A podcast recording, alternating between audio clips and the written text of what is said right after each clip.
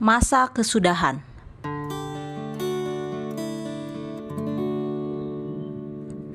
Kita hidup pada masa kesudahan. Tanda-tanda zaman yang sedang digenapi dengan cepatnya menyatakan bahwa kedatangan Yesus sudahlah dekat. Zaman kita ini genting sekali. Roh Allah berangsur-angsur dan dengan pasti sedang ditarik dari bumi ini. Bala dan hukuman sudah jatuh ke atas orang-orang yang menghina rahmat Allah bencana alam di darat dan di laut, keadaan masyarakat yang tidak dapat dibereskan bahaya peperangan merupakan pertanda yang tidak baik. Segala perkara itu meramalkan peristiwa-peristiwa yang luar biasa yang hampir akan terjadi. Agen-agen kejahatan menggabungkan pasukan mereka dan bersatu padu.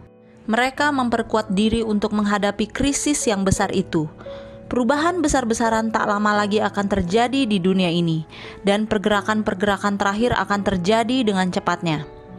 Keadaan segala perkara dalam dunia menunjukkan masa kesukaran sedang dialami sekarang. Surat kabar harian penuh dengan tanda-tanda adanya konflik yang hebat dalam waktu dekat ini. Perampokan yang nekat sering terjadi. Pemogokan sudah lumrah.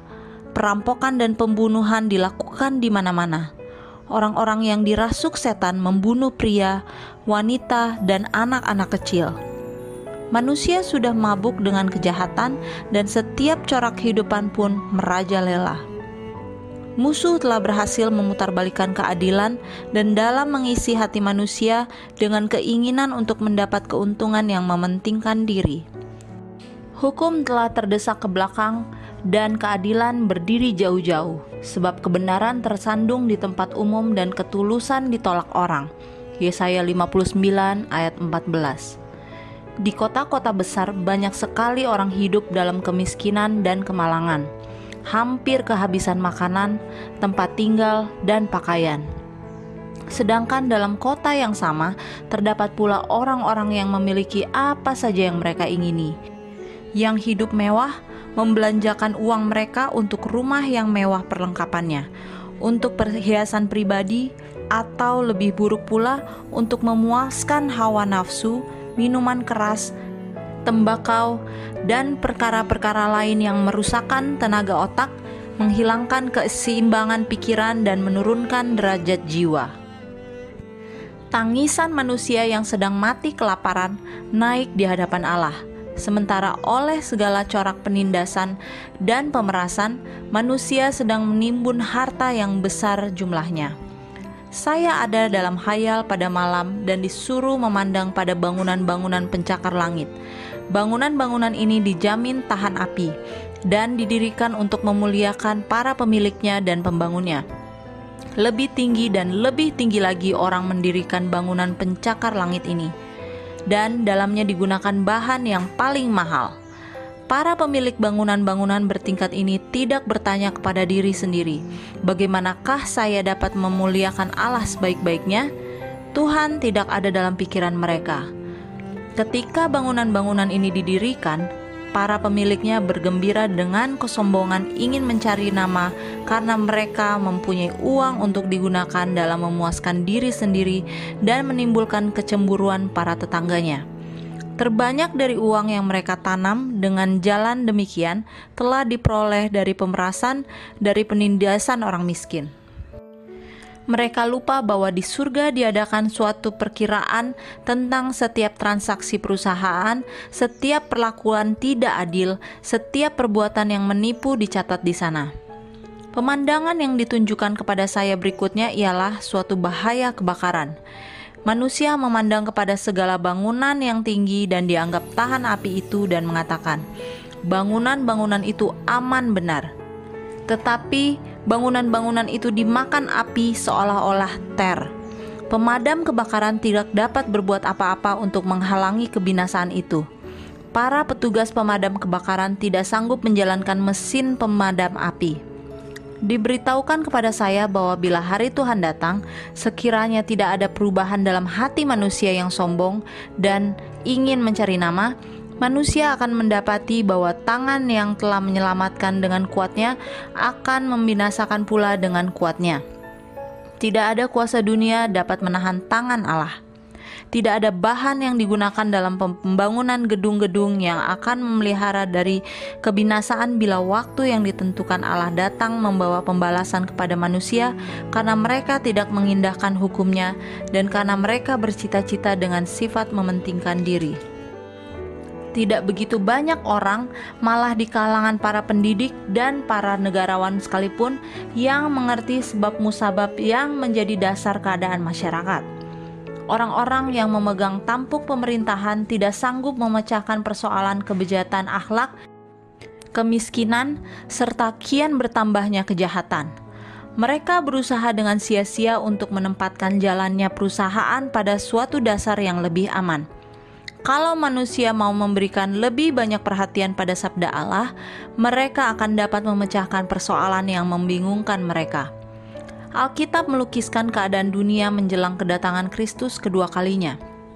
Tentang orang-orang yang menimbun kekayaan besar dengan jalan merampok dan memeras, tertulis, "Kamu telah mengumpulkan harta pada hari-hari yang sedang berakhir."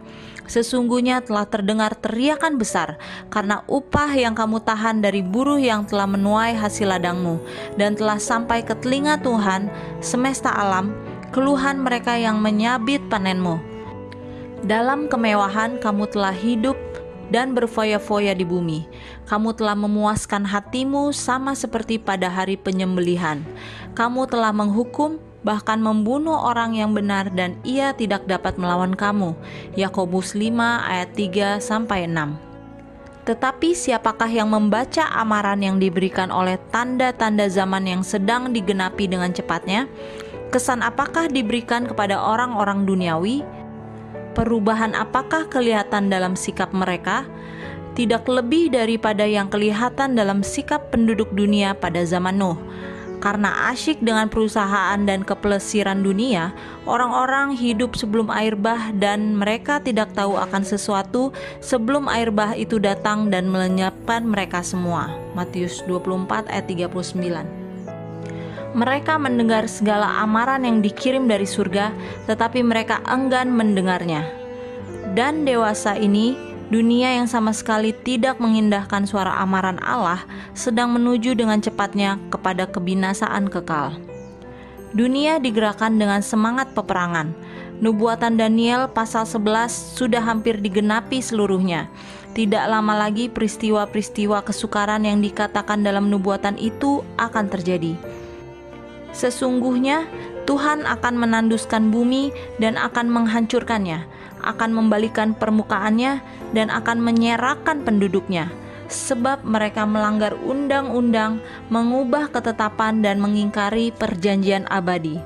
Sebab itu, sumpah serapah akan memakan bumi dan penduduknya akan mendapat hukuman. Kegirangan suara rebana sudah berhenti, keramaian orang-orang yang beria-ria sudah diam, dan kegirangan suara kecapi sudah berhenti. Yesaya 24 ayat 1 sampai 8. Wahai hari itu, sungguh hari Tuhan sudah dekat, datangnya sebagai pemusnahan dari Yang Maha Kuasa. Yoel 1 ayat 15. Aku melihat kepada bumi, ternyata campur baur dan kosong, dan melihat kepada langit, tidak ada terangnya. Aku melihat kepada gunung-gunung, ternyata goncang, dan seluruh bukit pun goyah Aku melihat ternyata tidak ada manusia, dan semua burung di udara sudah lari terbang. Aku melihat ternyata tanah subur sudah menjadi padang gurun, dan segala kotanya sudah runtuh di hadapan Tuhan, di hadapan murkanya yang menyala-nyala. Yeremia 4 ayat 23 sampai 26. Hai, alangkah hebatnya hari itu, tidak ada taranya. Itulah waktu kesusahan bagi Yakub tetapi ia akan diselamatkan daripadanya. Yeremia 30 ayat 7. Bukannya semua orang di dunia ini telah menyebelah kepada musuh melawan Allah.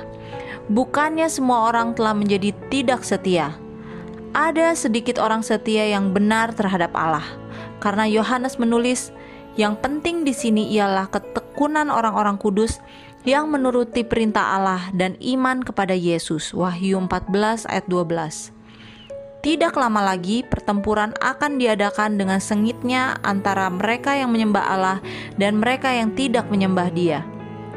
Tidak lama lagi, segala sesuatu yang dapat digoncangkan akan digoncangkan, agar perkara-perkara yang tidak dapat digoncangkan dapat tinggal tetap.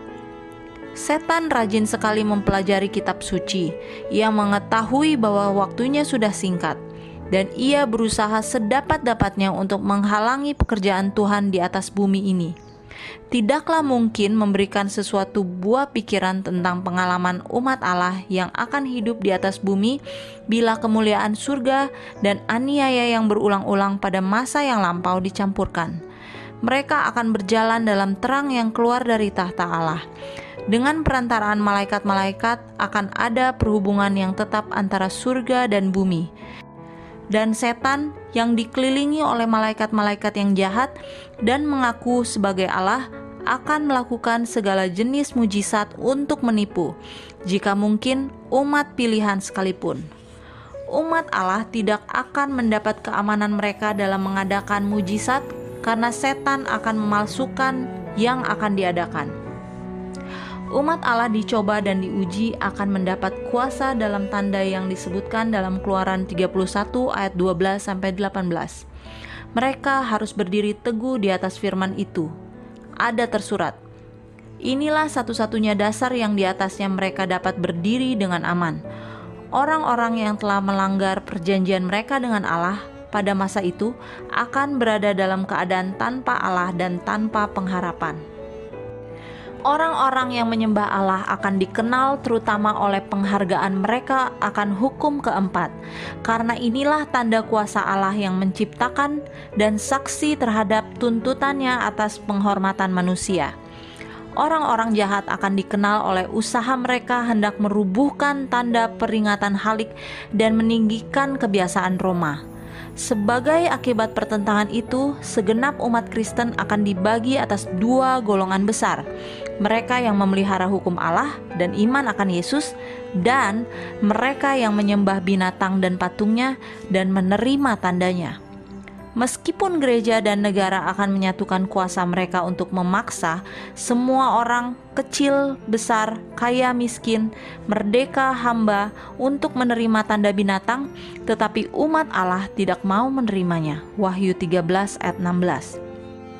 Nabi di Pulau Patmos melihat di tepi lautan kaca itu berdiri orang-orang yang telah mengalahkan binatang itu dan patungnya dan bilangan namanya pada mereka ada kecapi Allah dan menyanyikan nyanyian Musa dan nyanyian anak domba itu. Wahyu 15 ayat 2. Ujian yang menakutkan menunggu umat Allah. Semangat peperangan sedang menggerakkan bangsa-bangsa dari ujung bumi ke ujung yang lain.